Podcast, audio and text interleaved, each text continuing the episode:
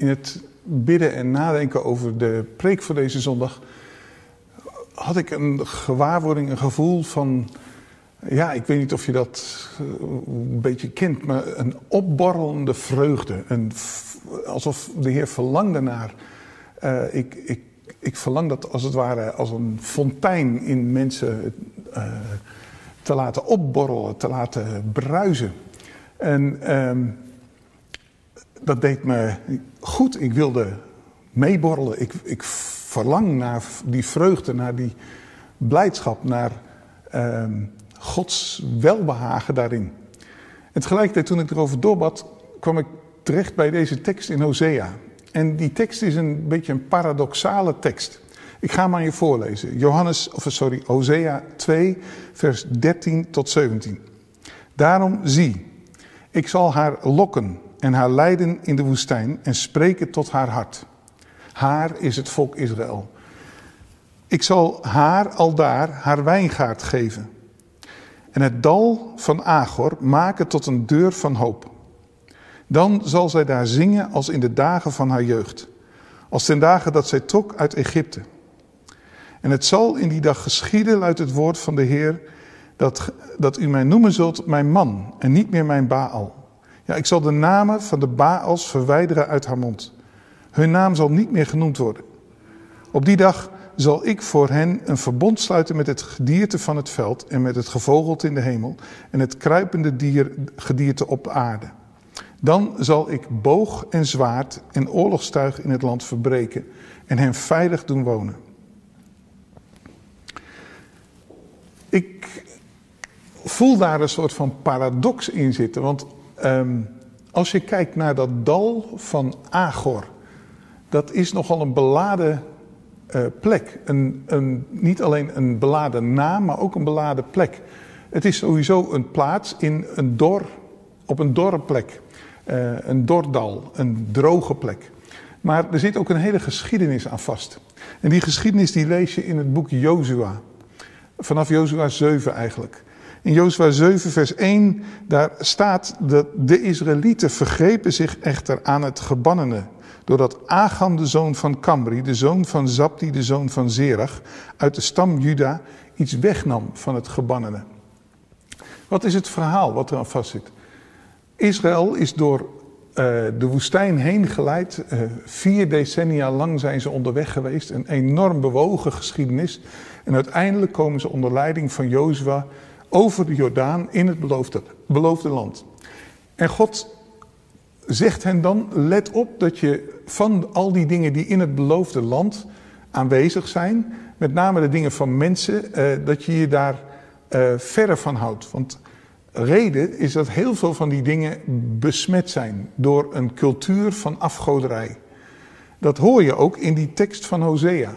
Baal was een afgod die gediend werd door de bevolking die oorspronkelijk in het land woonde waar God zijn volk naartoe leidde. Het was een gruwelijke godsdienst, die Baal-verering, waar zelfs mensenoffers werden gebracht, waar uh, baby's, jonge kinderen aan werden opgeofferd door hen levend in het vuur te gooien. Als een offer om die Baal-godheid goed te stemmen. En God zegt, ik wil dat je daar verre van houdt. Op geen enkele manier wil ik dat je jezelf ook maar enigszins bevuilt met datgene wat in dat land is. Ik zal zorgen voor alles wat je nodig hebt, maar laat die dingen die daar zijn met rust, uh, uh, doe ze weg van voor mijn aangezicht, zegt God. En dan lees je dat nadat uh, de eerste stappen zijn gezet in het beloofde land, Jericho is gevallen en ingenomen, dat de volgende stappen die gezet worden, dat dat helemaal misgaat. Jozua in ehm, Jozua 7 vers 10 krijgt dan te horen nadat hij voor de troon van God is gekomen, waar, naar de plek gegaan is waar Mozes ook altijd heen ging, de tent der samenkomst en Gods aangezicht heeft gezocht. Heer, wat is er aan de hand? Hoe kan het na die uh, overwinning op Jericho, waar u ons zo geholpen heeft, nu een heel klein dorpje, Ai, daar verliezen we de strijd. Het lijkt wel alsof er iets zich tegen ons gekeerd heeft. Heeft u zich van ons afgekeerd? En Jozua ligt dan uh, op zijn knieën voor God en dan zegt de Heer dit. Toen zei de Heer tot Jozua, sta toch op, waarom ligt u daar op uw aangezicht? Israël heeft gezondigd En ze hebben mijn verbond dat ik hun geboden had overtreden. En ook iets van het gebannene weggenomen. En ook gestolen. En het heimelijk bij hun huisraad gelegd. Daarom kunnen de Israëlieten geen stand houden tegen hun vijanden. God zegt met andere woorden: Ik ben bij jullie en ik zorg voor je als je zorgt dat je doet wat ik je gevraagd heb. heb. En op het moment dat je dat loslaat, op het moment dat je één van jullie dat overtreedt en een andere weg kiest, dan dat is goed, maar dan moet je het ook zelf doen. En dan zul je merken dat je niet bestand bent tegen datgene wat in dit land overwonnen moet worden. Nou, het verhaal gaat verder. Het volk uh, komt voor Gods aangezicht en familie voor stam voor stam en daarna familie voor familie en daarna gezin voor gezin uh, wordt er gevraagd, Heer, is het hier gebeurd, is het daar gebeurd? En uiteindelijk komt dat huis van Agan uh, tevoorschijn. En dan stapt Agan naar voren en bekend. Ik heb inderdaad een aantal dingen van datgene wat ik zag toen we de stad innamen, uh, gepakt, gestolen, ondanks het verbod wat God gegeven had. En ik heb het verborgen in mijn tent, onder het uh, grondzeil in de, in de vloer. Je zou kunnen zeggen, een appeltje voor de dorst. Misschien. Misschien was het ook wel een, iets heel moois, iets, iets begeerlijks. Iets waarvan Agan dacht van, ach dat kan toch geen kwaad. Ik vind het zo prachtig, ik, ik, ik neem het. In Gods ogen was het gestolen. In Gods ogen was het um, het kiezen voor een andere weg, een weg van zelfvoorziening. Waarvan God zei: Ik geef je die ruimte om dat te doen, maar dan moet je het ook zelf doen. Uiteindelijk op die beleidenis um, volgt een steniging. Agan en zijn hele gezin worden uh, uh, onder een hoop stenen bedolven. En in dat dal van Agor stond tot op de dag van, ik denk, Hosea, die enorme steenhoop als een monument overeind. Een monument eigenlijk van ons onvermogen. Op het moment dat wij zelf voorzienend willen zijn, op het moment dat wij zelf proberen om de dingen op te lossen, dan, ja, dan kiezen we een weg waarin God zegt: Oké, dan, dan die ruimte geef ik je ook, maar dan zie je maar al te vaak dat we het niet redden. Dat we niet alleen niet opgewassen zijn tegen de omstandigheden van dit leven, maar dat we ook niet opgewassen zijn tegen de geestelijke omstandigheden, de geestelijke werkelijkheid waar we mee te maken krijgen. En dat monument, die steenhoop daar, zijn eigenlijk een herinnering aan het volk Israël bij voortduren. Iedereen die daar langs kwam en de vraag stelde: wat betekent deze hoop stenen? Die zou dit verhaal te horen krijgen als antwoord. Um, het werkt niet als we het zelf proberen.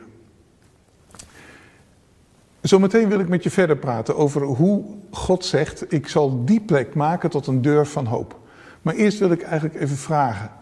Neem eens even tijd, zet de video op pauze en denk eens na over deze vragen. Um, waar denk jij zelf aan bij een dal van Agor in het leven? In jouw leven, in mijn leven, in ons leven. Wat is een, een, een, een situatie of een, een verhaal waarbij dat beeld van dat dal van Agor, wat het volk Israël daarbij maakte, de, de grafzerk zou je kunnen zeggen van Agan en de zijnen, um, echoot in het leven van nu. En misschien ook, um, wat stel jij je voor bij een deur van hoop op zo'n plek in jouw leven? Hoe zou dat eruit zien? En als derde vraag, wat is zingen als in de dagen van je jeugd? Waar moet je dan aan denken? Als het gaat over jou. Wat is zingen als in de dagen van je jeugd? Praat er eens even over samen.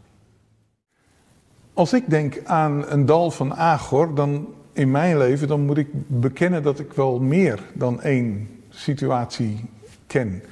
Maar de meest indrukwekkende voor mij was dat ik, eh, nog voordat ik getrouwd was met Marianne, waren wij op vakantie samen naar Frankrijk in onze Deux Chevaux, een eend. Misschien dat sommigen van jullie niet eens weten wat dat is, maar dat is zo'n hele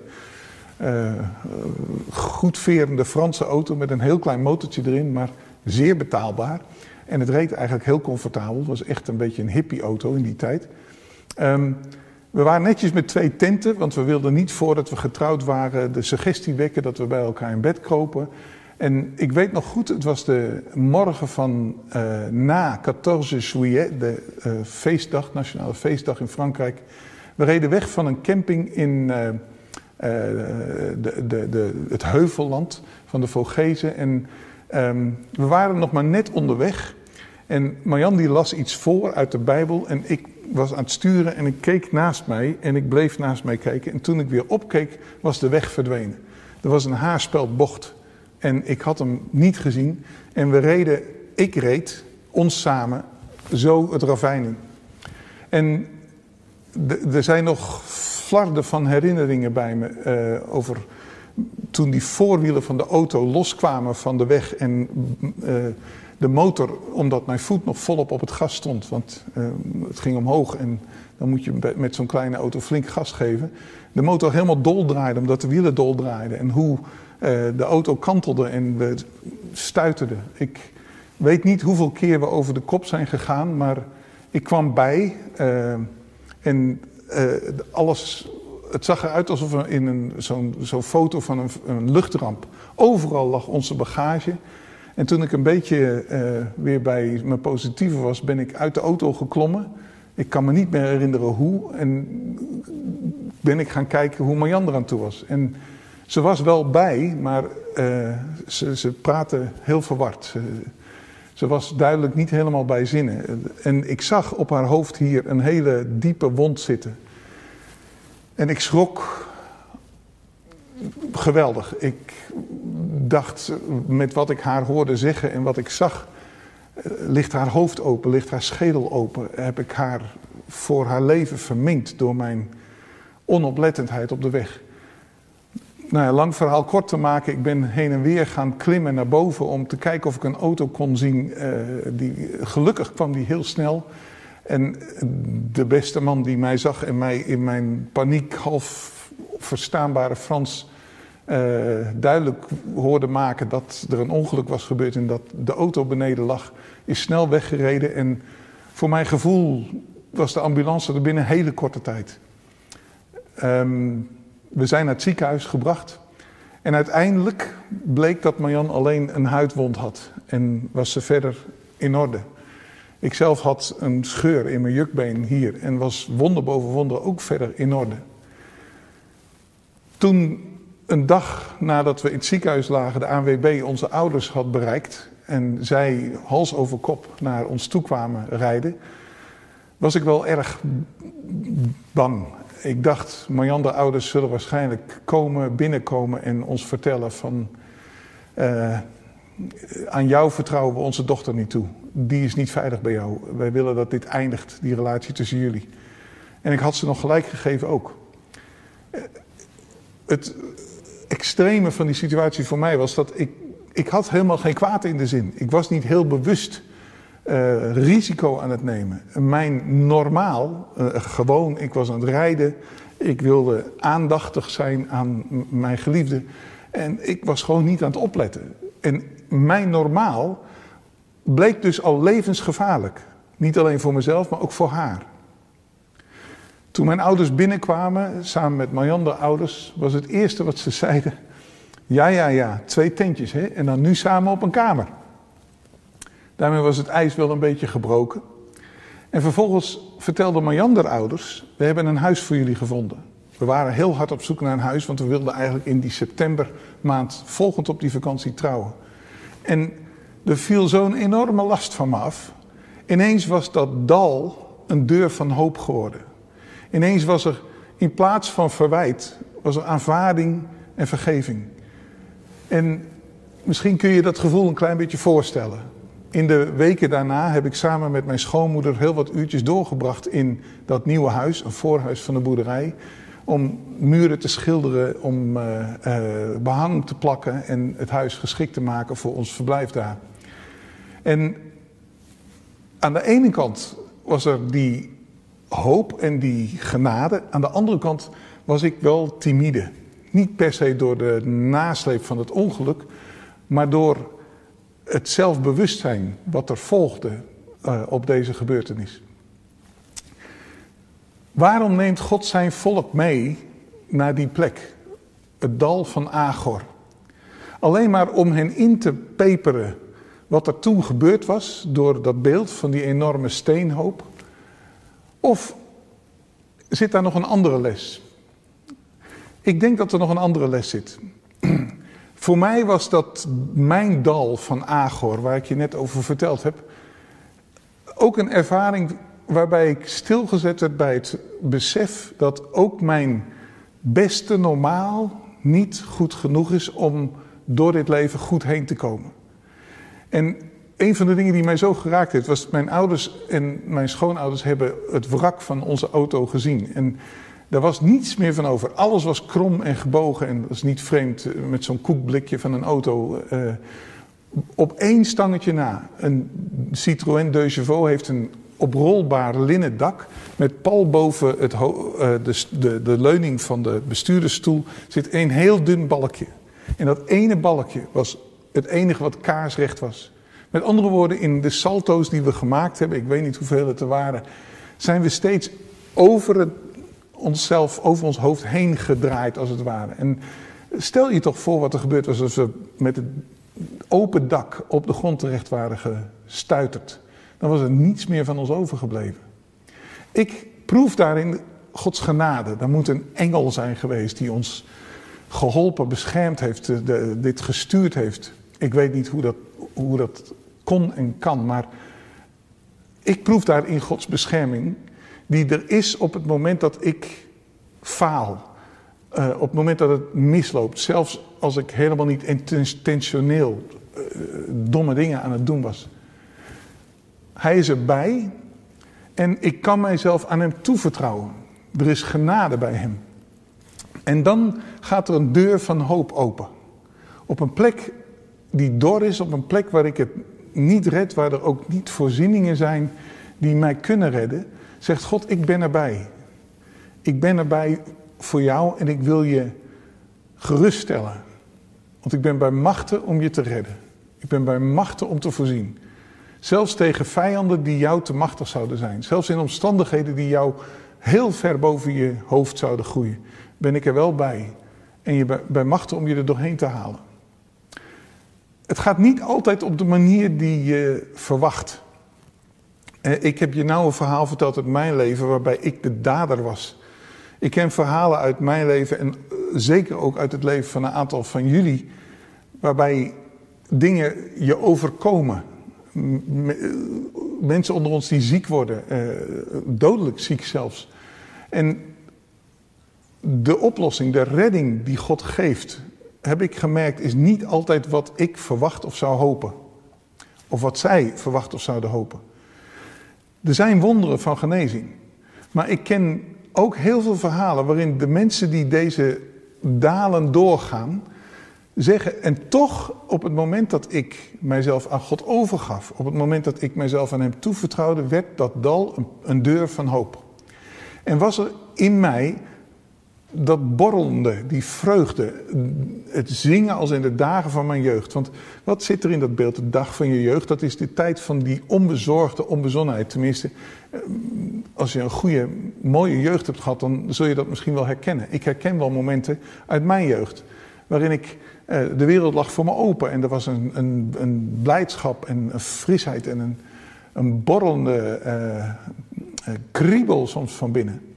Dat, God zegt, die, die onbezorgdheid, die blijdschap, die wil ik jouw deel laten zijn. Durf je jezelf aan mij toe te vertrouwen, jezelf in mijn handen te geven. En dan is dat dal, die plek, bij uitstek een plek die ik nodig heb, die wij misschien wel nodig hebben. En soms denk ik, die hele coronacrisis waar we nu in zitten, die die situatie waarin we zoveel dingen die we volkomen vanzelfsprekend vonden, ineens dat helemaal niet meer zijn. Waarin we regelmatig in isolement, thuis, opgesloten zitten. Misschien is dat wel een beetje een beeld van dat dal van Agor. Wat moet mij nu nog vreugde geven?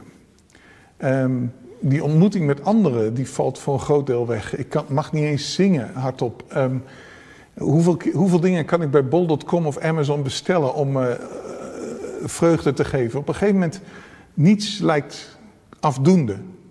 En dan zegt God, oké, op deze plek wil ik jou een deur van hoop geven. Wil ik je vreugde geven. Jezus zegt op een gegeven moment, uh, de mensen die op hem vertrouwen, uh, en dan spreekt hij van de Heilige Geest die komen gaat, een fontein van levend water zal uit hun binnenste vloeien. Dat is wat God op deze plek, in deze tijd, aan jou en mij wil geven. En dat wens ik je ook toe. Zullen we bidden voor elkaar? Vader in de hemel, dank u wel voor deze belofte.